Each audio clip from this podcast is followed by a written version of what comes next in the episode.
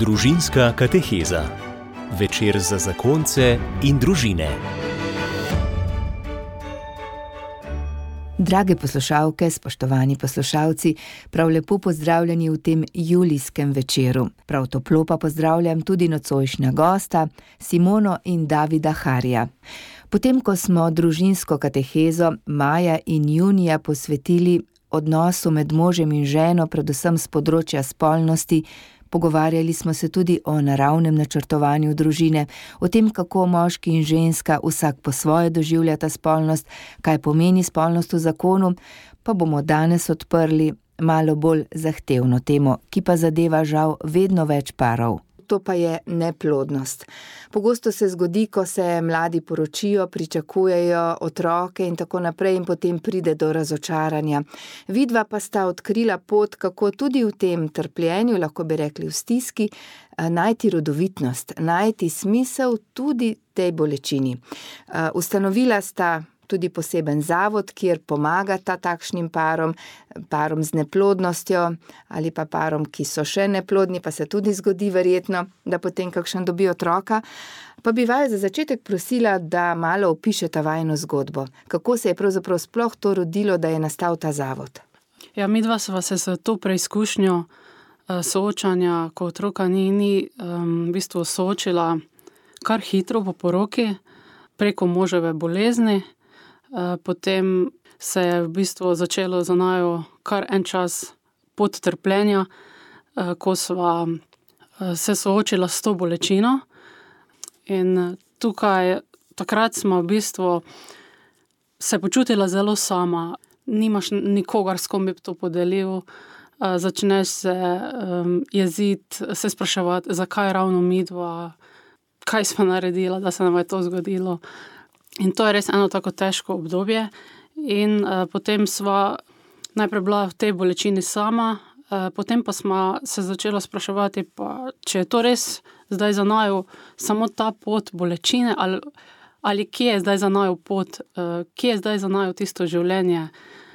Nekje mora nekaj biti. Potem smo uh, kar hitro um, začela iskati, nisva se pustila, da bi v bistvu ostala v tej bolečini, zaprta med štiri stene. In smo začela iskati po internetu, kje bi kaj bilo za te pare. Pa sva na začetku našla to zakonsko skupino v Ljubljani. Uh, to je zakonska skupina Najna drugačna pot, uh, ki, kjer je duhovni vodja, pater, uh, moralni teolog, dr. Tadej Strehovec. In ko smo bila prvič tam, Se pravi, spomnim, ko smo šli iz te zakonske skupine, smo rekli, da je to, to, to mi dva rabiva, mi dva rabiva um, druge pare, ki, bo, ki so edini, ki, uh, ki naj jo razumejo v tistem trenutku. Zato, ker uh, samo par, ki gre skozi neke tak, takšne preizkušnje, uh, razume drugi par. In takrat vem, da smo še malo šli na sprehod po Ljubljani, po, po tisti zakonski skupini, in smo rekli zdaj se pa res počutimo, počutimo se sprejeto, počutimo se. Končno ni več tista bolečina tako velika, ker vidimo, da nismo sami, vidimo, da so ostali pari. In v tej zakonski skupini so tudi pari, ki so, ki so nekateri posvojili, nekateri imajo otroke v rejništvu, eh, spet drugi so po večjih letih eh, po naravni poti zanosili. In smo videli, v bistvu, da je upanje, ehm, da je po tej poti da obstaja neko upanje. Um, in takrat se je za nami začela neka nova pot iz tega trpljenja. Potem smo tudi uh, poznali kar nekaj uh, parov iz našega štajersko-pomorskega konca, uh, ki se tudi soočajo s to preizkušnjo, in smo se pač poklicali. Pa smo uh, tudi tam, v, v pomorskem koncu, v Turnišču, um, v bistvu ustanovili to zakonsko skupino, ker smo videli, kako je to potrebno za te pare. Ker če si sam, potem se lahko samo zapreš v svoj svet bolečine in uh, se dobesedno izoliraš od okolice, in potem to ni pot, to, to je potem najtežje za par. Mhm. Gospod David Hari, kako pa vi uh, ta, ta pot iskanja, kaj je to za vas pomenilo? Ja, za mene osebno je pomenilo zelo, zelo dosteno. Mi moram povedati, da smo mi čist drugače doživljali zaradi moje bolezni. se pravi, nerodovitnost. No. Žena je takoj imela to bolečino, kaj bo, ko ne bo otrok. Jaz pa sem bil prvo zelo srečen, da sem bil ozdravljen. Ne. Za mene je pol prišlo to, man, čez pol leta mogoče. Zakonska me največ eh, pomenila v Ljubljani, še vedno trenutno to največ pomeni, eh, ker tam ni besed, eh, vse bo te že spočela, vse še imate čas. Ampak je tisto razumljeno, da se nekaj poslušate nekdo. Ne um, da ti tudi da neki primeren komentar, um, sočuten komentar, da si slišan. To se mi zdi najbolj pomembno, kaj lahko damo drugim parom, ki se soočajo uh, z izkušnjo, ko otroka ni in no. no. Vem, naš zavod deluje tudi neprofitno, pa prostovoljno. Iščemo pač vsak par, ki smo v zavodu, oziroma ki delujemo išče svojo rodovitnost, svojo pot, tisto, kar je najbolj pomembno za njihovo življenje, zdaj, ali je to posvojitev ali rejništvo ali moče tudi kaj druga se najde. Ja, zdaj ste omenili zavod. Torej, eh, kako to, da ste se ga odločili ustanoviti, ker to ni majhna stvar. Prej ste rekla, ste bila v zakonski skupini v Ljubljani, potem ste se povezali na vašem koncu. Um, kako to, da ste se odločili pa potem ustanoviti kar zavod, ki ima naslov neplodnost in najna rodovitnost? Uh -huh. uh, ja, um...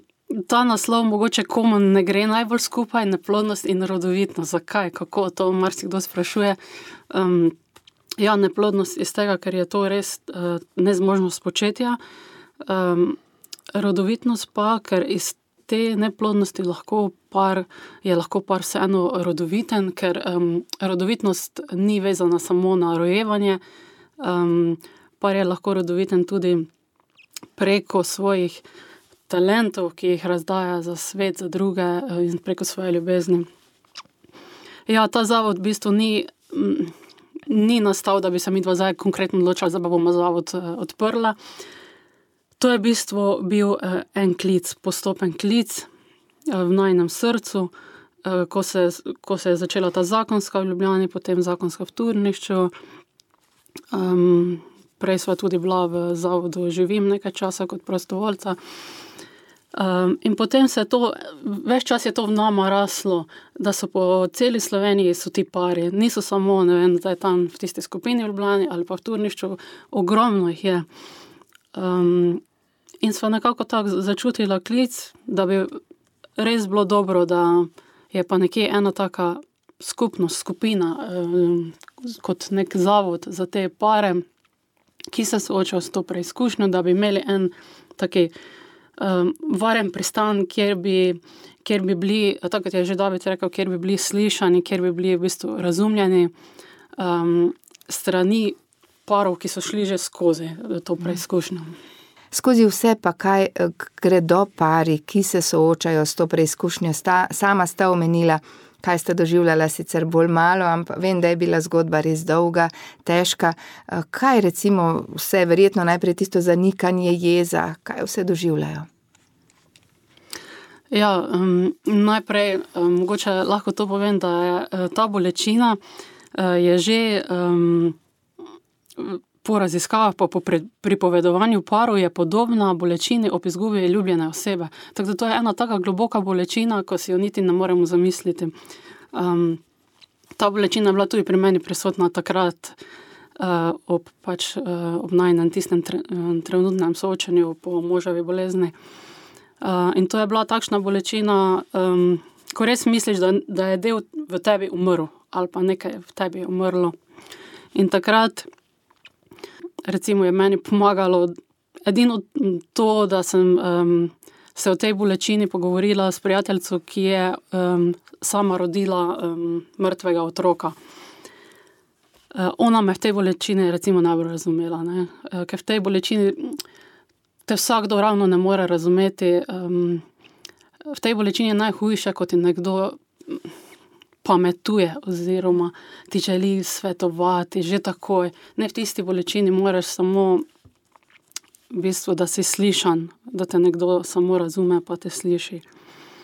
Um, in ti pare gredo skozi, um, ti pare, ko še vsak mesec upajo skozi te mesečne faze upanja in potem spet razočaranja, ko pride menstruacija, razočaranja, jeze, uh, nemoči, uh, občutke krivde, sploh takrat, ko, ko se ve, pri katerem, par, pri katerem je težava pri moškem ali pri možu ali ženi.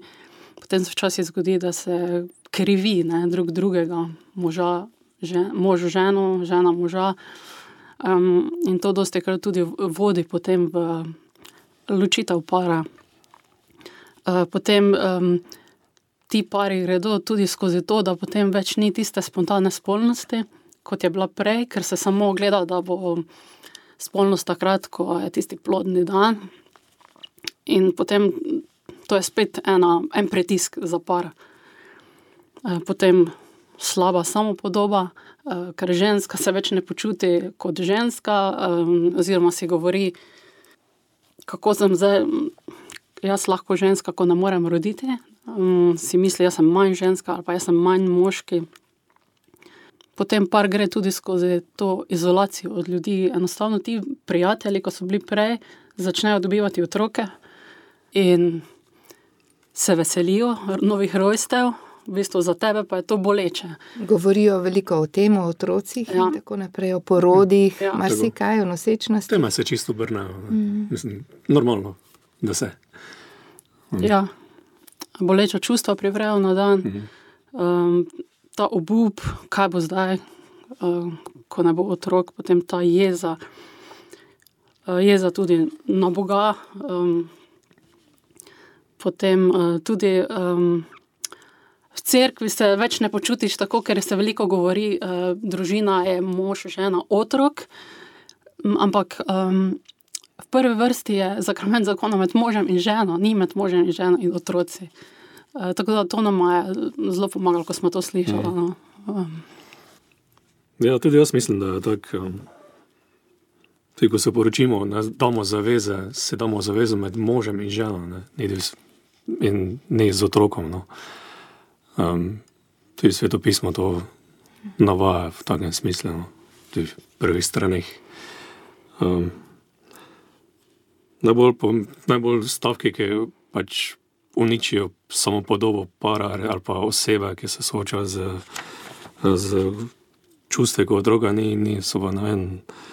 Um, kaj, bo zdaj, ko, kaj bo sedaj, ko bomo mogli imeti svoje lastne družine, ne? kaj bo s potomstvom, polno dolgi rok um, tiste manj vrednosti občutek, občutek. Kako pa vi tem parom pomagate, kako sploh delujete kot zavod? Um, ja, tem parom um, v bistvu želimo priti prvi vrsti blizu, da se oni ne bodo počutili uh, sami. Tako smo videli, mi dva na začetku, ko smo se tako počutili, um, uh, jim želimo biti ena opora. Um, ker vemo, da mi dva smo prvo šla, recimo, iskati na spletno stran, kje bi kaj bilo. In vem, da pari večinoma gredo iskati tudi po spletu. Um, zato smo um, potem tudi našo, naš zavod uh, dali na Facebook, uh, da, ker tam je veliko parov in tam nam tudi veliko uh, pišejo. Um,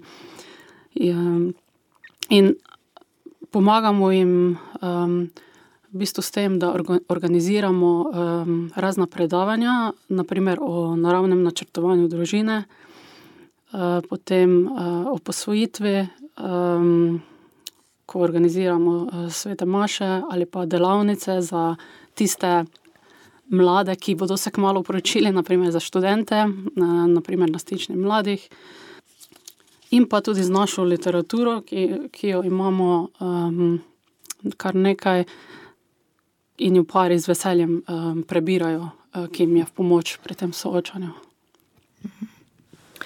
Kje vse pa delujejo že zakonske skupine, prej ste omenili Ljubljano in Turnišče, je še kje? Ja, Ljubljana in Turnišče, v Turnišče je trenutno v koronskem času v mirovanju, no. tudi tam je en par zanosov po dolgem cajtu. Zdaj, sedaj pa se odpira tudi ena nova zakonska skupina v okolici Ljubljane, sicer je to neki, neki sad, tudi jih uh, imaš, uh, ki jih darujemo, da se tudi nekaj začelo odpirati, upamo. Vse nadaljno pa zvejo, verjetno preko spletne strani po Facebooku. Mhm. Zaenkrat pa je um, ta zakonska skupina v Ljubljani, mm. kjer je že dolga, dolga leta in kjer uh, so že pari, res, tako sem že prej rekla, um, ko so na različne načine rodovitni, ko imajo že svoje posvojene otroke, ko imajo že otroke v rejništvu. Mhm. Ja, tako kot je David rekel, sad teh mož pa je tudi zdaj ta nova zakonska skupina, ja, ki bi se naj ustanovila. Uh mhm. -huh. Eh, prej ste že omenili, na katerih področjih delujete, mogoče še enkrat, da malo bolj specificiramo, kje kot zavod delujete, kje kot zavod svetujete neplodnim parom. Ja, v bistvu največ se preko. Um, Obračajo preko uh, spletne strani, uh, preko um, državnih omrežij na nas, potem pa tudi preko teh dogodkov, ko imeli, ko jih imamo, tako kot smo imeli letos predavanje o teh um, naravnih metodah načrtovanja, in potem preko teh svetih maš, ko jih uh, v bistvu trikrat do štirikrat na leto organiziramo. A kje vse pa je par po vajnem lahko rodoviten? Kaj vse ste odkrila, prej ste omenila posvojitev, rejništvo, ampak tudi še druga področja so gotovo. Ni vsak uh, par, ki nima otroka, da postane rejnik ali posvojitelj. Ne, sigurno, da ne je nujno, ampak jaz osebno mislim, da par kot par se mora prvo, kot zakon, se, se mora drug za drugega darovati. In že to je, že to je rodovitnost. Ne tu se rodi rodovitnost, ko se darujemo drug za drugega. Ne. Isto, ne, Jezus je še na križ se daruje za nas, za vsakega posebej. Isto je tu. Pri posvojitvi je pa zgodba malo težja, mislim, težja. V bistvu je lahko, če dobro veš, v srcu začutiš tudi klic za posvojitev.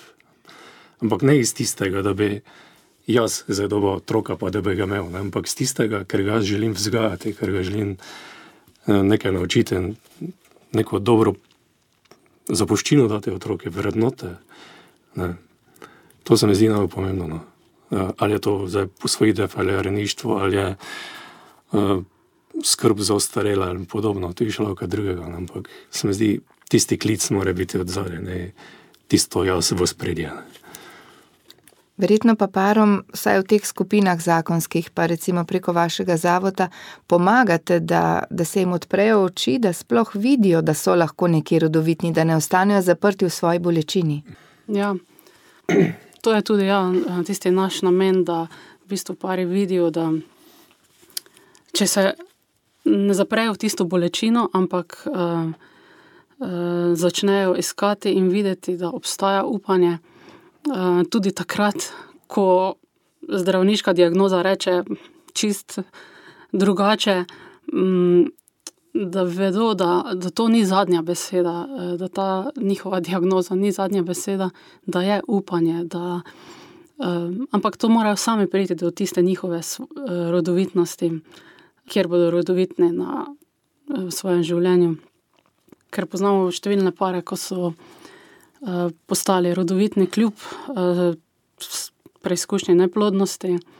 Um, naprimer, vem, v Sloveniji je tudi par, ko, um, ko se je posvetil potem predavanju mladim o teologiji telesa, potem en par um, v Franciji, ko je potem se posvetil prav temu. Um, V preteklosti je že bil v gobavosti in je potem svetovni dan eh, gobavosti, prav se imenuje po tem paru.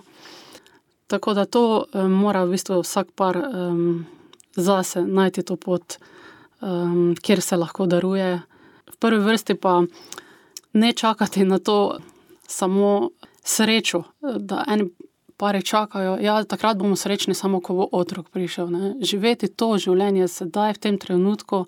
Seveda, kaj pa je predpogoj, da predelaš to bolečino, da predelaš vsa ta čustva, ko pridejo z neplodnostjo, da predelaš to bolečino, eh, te boleče občutke, krivde, jeze, da se to uh, izpoveš so zakoncem, uh, najprej so zakoncem, potem s kakšnimi drugimi pari, če je potrebno, nekateri tudi s, kakim terapeutom ali z duhovnim voditeljem. To je prvi predpogoj, v bistvu, da lahko potem iščeš rodovitnost, eh, ko te čustva predelaš eh, drugače. Ker otrok, ko, ko bo prišel, otrok ne more eh, reševati vajne, problemov, ja. vajne um, oziroma zakonske te neplodnosti. To mora ta zakonca v bistvu sama predelati in zdaj v tem trenutku v bistvu živeti to polnost eh, življenja ker, in videti v bistvu to, kar že imamo. Ker zdaj že imamo, imamo drug drugega, marsikdo ga nima več. Videti to, kar ima zdaj kot dar uh, in živeti to polnost v tem trenutku. Ja, poglejte, gospod David Hari, ljudje smo navajeni ali pa tako usmerjeni, da nikoli nismo zadovoljni, vedno nekaj čakamo, da še bo. Seveda, ko pa čakaš otroka, je pa to res ena velika stvar. Torej, kako res dobro osmisliti sedanji trenutek in biti srečen v tem, kar sedaj živim? No, ja, mislim, da je najbolj pomembno to, da mi prvo, ko, ko se soočamo z neplodnostjo, razčistimo svoje probleme, svoje bolečine. In postopno, resno, kot je že žena rekla, da pridemo do tega, da, da smo bolj srečni, tudi če, če ni otroka. Ne. In tudi takrat, ko pridemo do tega, sicer to proces, ki traja verjetno par let, po mojem. No. Um, ko prijemo do tega, lahko začnemo razmišljati o drugih poteh, o ne, drugi rodovitnosti, eh, najni sreči, ki naj izpolnjuje. No. Se zdi, da je to tako pomembno, to povezava, da dobesedno predelamo prve stvari, da nas ne bremenijo. Ne. Ker tudi pol, ko prija otrok, tega ne moremo več razreševati, ker niti nemamo časa, po mojem. Um, niti ne gre, otrok ni zato, da bo rešil najne probleme, ne mi je, moramo samo. Ali pa v vašem zavodu potem svetujete tudi o načinih zdravljenja neplodnosti, imate za to tudi kakšne strokovnjake? Ja, parom v prvi vrsti svetujemo, um, da se normalno, kot je potrebno, poslužujejo diagnostike, da sploh vidijo, pri kom, kaj je problem. To je v prvi vrsti tista normalna, osnovna zdravniška diagnostika. Potem pa v bistvu, po, po, tako kot se vsak par odloči po svoji vesti. Eh, Ampak eh, mi in pač iz izkušenj, ko eh, vidimo pri parih, svetujemo čim bolj to um, naprej, ko vidijo že, kje je težava, že to naravno diagnostiko, kjer se odkriva v bistvu vzrok neplodnosti. Ker veliko krat se pri um, tej uh, diagnostiki uh, umetne oploditve ta vzrok zaobide. Uh, tukaj, recimo pri tej naravni metodi, uh, kot je naprimer um, fertility care znapro metodo, pa se v bistvu um, išče vzrok neplodnosti in se ta vzrok želi pozdraviti. Uh, pozdraviti naprimer s kakimi kirurškimi uh, posegi ali pa s kakimi zdravili uh, ali s kakimi hormoni. Tako da v bistvu bolj v tej smeri zakoncem uh, svetujemo, ker je to tudi zdravljenje um, učinkovitejše in naravno. Zakaj pa crkva ne priporoča umetne oploditve? Kaj je tisto, recimo, k, v čem je problem? Ja, najbolj se mi zdi, da je problem v tem, ko gremo v umetno oploditev, da prvo kot prvo je spolnost ločena, dobesedno ločena, ne, dobesedno zagonca ne sta združena, ko pride do spočetja, to je prvo. Uh, drugo pa, ko gremo v postopke umetne oploditve, uh, nam zdravniki največkrat priporočajo umetno oploditev IVF eh, in s tem tudi prihaja do večjih zarodkov. Vstavijo do petih, do desetih, odvisno od primera. Vstavijo v žensko telo, vstavijo samo dva. Ne. Zdaj ostajajo pa ostala življenja, ki se jih da zmrzniti eh, na minus mislim, da 200 stopinj. 96. Ja. In je pol tudi zelo moralno vprašanje, kaj je z ostalimi življenji, ki so že življenja, to so že- celice, ki so se že začele deliti, se pravi, da so že življenja, isto kot smo nastali mi. Ne.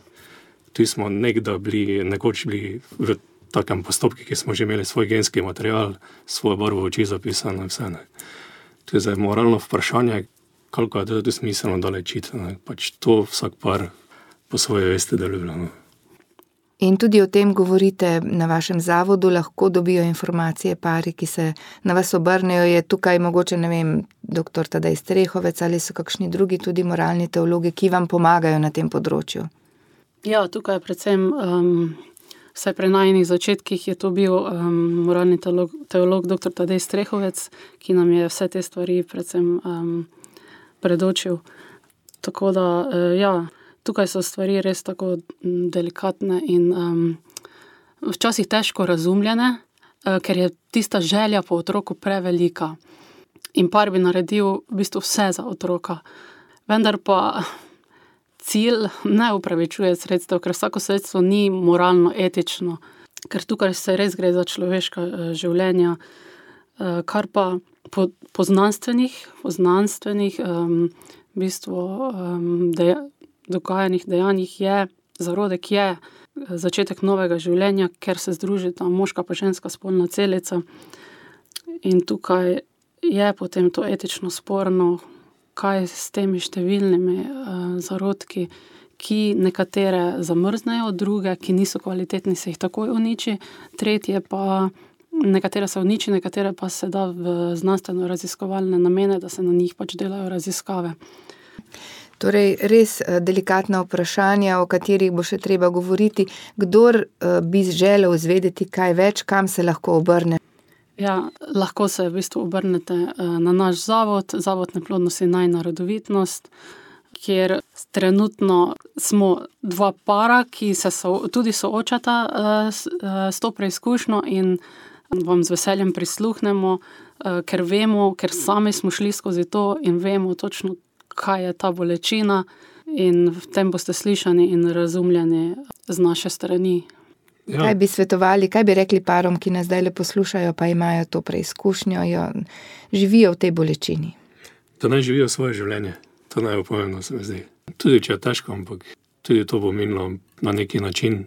Ampak zajemati življenje z veliko žlico, kljub temu bolečini. No. Tako. In, ja. mhm in da obstaja upanje, in tako. da je upanje, in da se vedno najde pot, um, tako kot se je za vsakega od nas mhm. našla pot, tudi ki smo se s tem soočili. Mhm. Torej, govorili smo o načinih, eh, kako lahko pari, ki se soočajo s to preizkušnjo, ko otroka ni in ni, se obrnejo na vas. Prej sta omenila na kratko, kaj pomeni ta napro metoda, ki je nekako deluje v okviru fertility care, torej na kakšen način se parom pomaga, ker pogosto se zgodi, da se pravzaprav, kot ste rekli, ne išče pravega vzroka za neplodnost. Ko se ta najde, se pa potem zgodi, da otrok celo pride. Ja, to poznamo že um, številne pare. Um, in par, ko je nam na začetku pomagal v našem zavodu, uh, je bil leta, leta se je soočal z neplodnostjo in potem se je tudi poslužil te napro metode. Uh, in uh, zdaj ima recimo že tri, tri otroke. Ja. Ker se je poiskal tudi vzrok in se je ta vzrok začel zdraviti. Uh, tako da ja, pri tem um, trenutno imamo v Sloveniji sicer dva zdravnika, dr. Rifel in dr. Igličarjeva, ki sta napro zdravnika. Imamo pa kar nekaj teh fertility care svetovalk, uh, In tukaj pri naporu um, se v bistvu, sploh pri fertiliti, ker se opazuje um, sluz, uh, se opazuje cikel uh, in raven hormonov, um, in na podlagi tega se v bistvu ugotovi, zakaj ima um, par težave z nositvijo, in potem se um, v bistvu to zdravi. Um, in to, tudi se pomaga um, prepoznati, kdaj so tisti plodni dnevi um, tako da so potem večje možnosti za zanositev. In uh, s to svetovalko Fertility Care se potem na teh srečanjih par seznani um, s to metodo, uh, se nau, kjer se nauči opazovati uh, in beležiti vse te um, biološke znake, in se potem ti vzroki neplodnosti v bistvu odpravljajo. In uh, zato je tudi um, procentualno je tukaj večji uspeh uh, zanositve kot pri mm, postopkih eh, umetne oploditve. Poznate mogoče še kakšne primere, razen tega para, ki je z vami v zavodu bil, eh, da se je potem dejansko so jim pomagali s, tem, s to metodo naprav? Ko smo, ja, ko smo imeli v bistvu, um, predavanje na to temo um, pred štirimi leti uh, v Mariboru, um, je potem bila tam ena, ena žena, pa en mož, uh, in sta se tega tudi poslužila. Uh, in uh, zdaj že opazujem večkrat tam v cerkvi z otrokom. Um, in ta fertility care svetovalka je mm, tudi povedala, ja, da sta ona dva prišla k njej in um, se je pač razrešilo, kaj je bilo za razrešiti, um, in sta zanosila. Tako da je to kar, kar nekaj teh parov.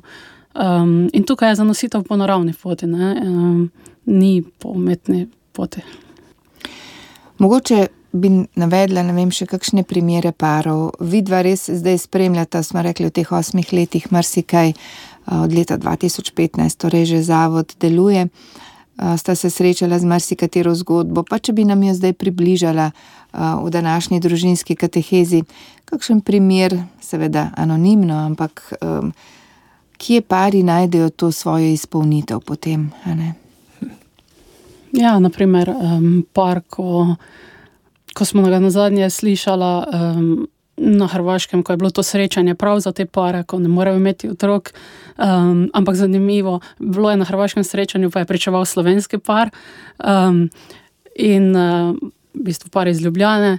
Uh, in sta tudi rekla, da so zdravniki rekli, samo par procentov možnosti za, za zanositev, um, in potem sta tudi. Um, v bistvu prosila za molitev um, ljudi. In takrat sta po večjih letih zanosila. To je bil za nazadnje ta primer. Pa drugi, pa en procent možnosti, se pravi. Pa tudi pol naravno spočetja. Tudi če en procent Bog ima zadnjo besedo, očitno ne glih mm. človek, pa zdravnik. Um, ja, in ta par, ko ima ja. en procent možnosti, to je tudi par, ko večkrat, um, no, to je naš pričevalski par ko, ko sem tudi um, kasneje izvedela, um, da, da so razni ljudje molili uh, za njo. Uh, ko sta videla eno starejšo ženico iz cerkve, pa je rekla: Mi, mi pa vas za vaju molimo vsak dan. Tako da to je veliko, veliko uh, teh parov, uh, ko jim je bila dana res težka diagnoza, ko je bilo že vse izgubljeno ampak je prišla za nositev po naravni poti in so v bistvu kasneje videli, kdo je vse molil za njih. No, ampak rodovitnost je lahko, kot sta sama rekla, tudi brez otrok. Tako. To darovanje. Na katerih področjih, nekaj ste prej že nakazali, se pari lahko darujejo? Največkrat se par odloči, da gre pol v posvojitev. Tako smo že prej rekli, da, da je za to potreben do, dobesedno pravi klic srca, isto kot ne, za poklicanost. No. So pa postopki dolgi, verjetno za posvojitev. Za posvojitev, ja, to je za čisto odvisno. Lahko se ti zgodi, da zelo hitro pride do tega in ti moraš biti zelo pripravljen, ker otrok pride v, v roke 4-5 dni. In te moraš biti dobesedno odločen, da si za to ali pa ne. No, odnos naj en mora biti tako, kot mora biti. No, ker se z nas zgodi, da moče nismo v dobrih odnosih in pol prije otrok, verjetno bi samo eh, zafilo najno bolečino, uh, zapolnil najno bolečino. Mm. Ampak uh, najna zakona pa jih ne reši otrok. Ne. Zato je pomembno, da imamo razčiščene pojme, kaj želimo, pa kam gremo, pa da imamo podobne vrednote že med zakoncema. Mm. Ja, sicer um, postopki za posvojitev um, so malo daljši, ker so tudi potrebni, da te vse izprašajo, psihološko, uh, vse družinsko, najn odnos, uh, kar je res posebno, ker ta otrok, recimo, je že bil mogoče v kakšni rejniški družini, že ima neke rane za sabo in zato ne more priti v neki odnos, ko ne, ne štimajo stvari. Ne? Zato meni se to zdi potrebno, take postopke kot so. Um, je pa tu en taki tabu, kjer um, govorijo, da ja, na otroka se dolgo čaka v Sloveniji. Ja, lahko, lahko se dolgo čaka, lahko pa hitro dobiš klic. Um, poznamo marsikateri par, ko je dobil že po parih dneh oziroma mesecih, ko je končal te postopke, pa je dobil na hitro klic um, za otroka. Uh, tako tak, da ti tabuji so tako ne jim ravno čisto prav um, verjeti.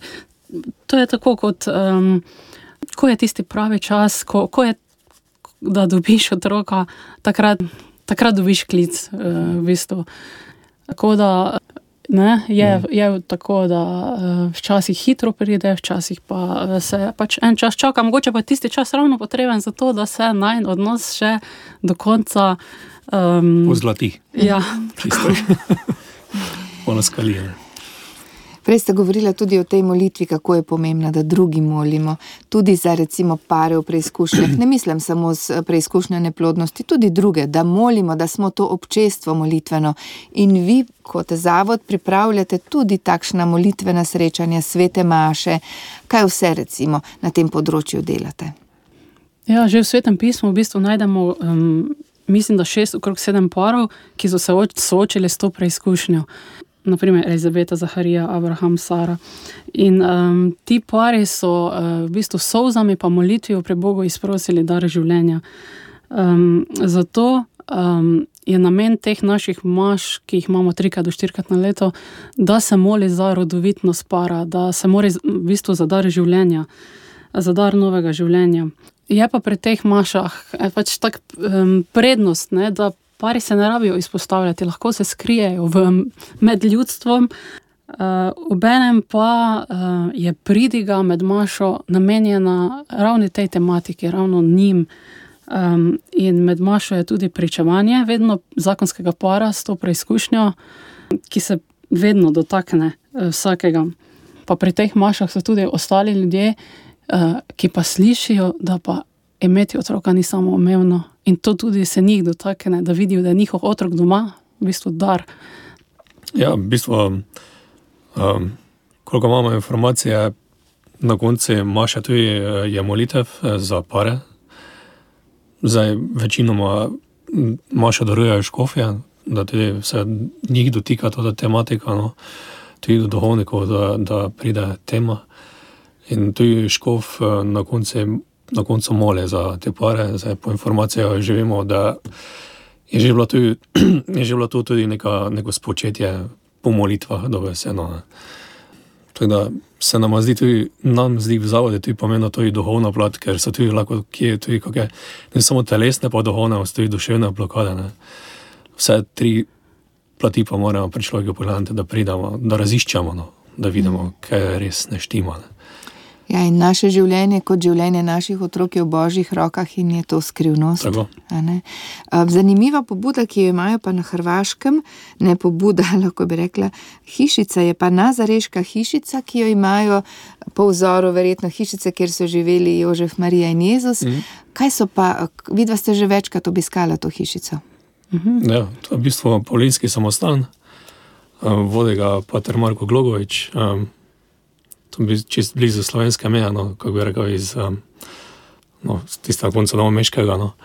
Ja, prej je tudi bil tam en slovenski duhovnik v mhm. bistvu. Mm. In, uh, Ta, uh, mi dva smo v bistvu do Patra Marka prišla čist na začetku, ko smo se soočali s to bolečino, in smo tudi njega našla na spletni strani, in smo tudi šli tja. In on že v bistvu se 20 let ukvarja s temi pari in uh, vodi duhovne vaje za te pare. In smo bila na enih teh duhovnih vajah. In to je v bistvu nekaj najboljšega, no, kar, je, kar smo bila. In uh, ta nazaretska hišica je taka hišica, kjer je notri um, mala Marija in kjer so že kamnite table zunaj, kjer so se pari že zahvalili uh, za, za novo življenje, ja. da so spočeli otroka, ko ga prej niso mogli.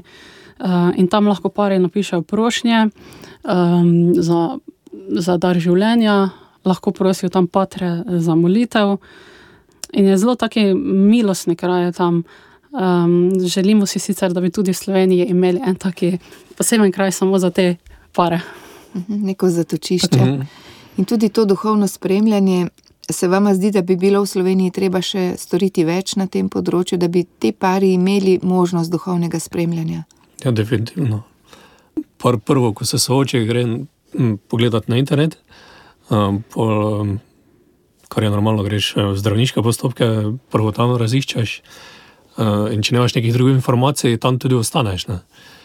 Če imaš pa kaj druge informacije, kot je zato, uh, da se razmišljaš o čem drugem, drugih poteh, uh, je pa pomembno, da tudi duhovno uh, raziščeš svoje skrivnosti ali pa vse zakonce ali pregrade. No. Ja, tudi duhovno ja. spremljanje je zelo, je zelo pomembno. Ja. Um, molitev um, zadaj. Da, recimo, mi smo tudi takrat rekli, če ne bi toliko ljudi v bistvu takrat za naj molilo. Uh, Takrat ne vemo, po kateri poti bi potem šla, oziroma če bi še bila skupaj. Pa te svete maše, um, to je res en tako um, močno za, za te pare. In si želimo, no, da čim več parov to začuti. Najlepša vam hvala, Simona in David Hari, da sta prišla v naš studio, da sta vse to pojasnila, predvsem pa za pot, na katero sta se odpravila. da nista ostala samo v svoji bolečini, ampak se darujeta za mnoge druge pare. Gotovo je to tudi spodbuda za vse nas, za celotno crkveno občestvo, da smo si bolj blizu, da smo bolj rahločutni, bolj pozorni na probleme in bolečine drug drugega in seveda, da molimo za drug drugega, kot ste rekli, v tem je velika moč. Tako je. Hvala. Hvala vam. Ja.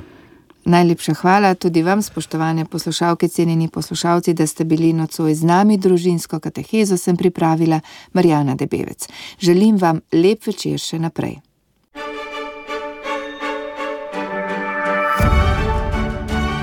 Na radiju Ognišče ste poslušali družinsko katehezo.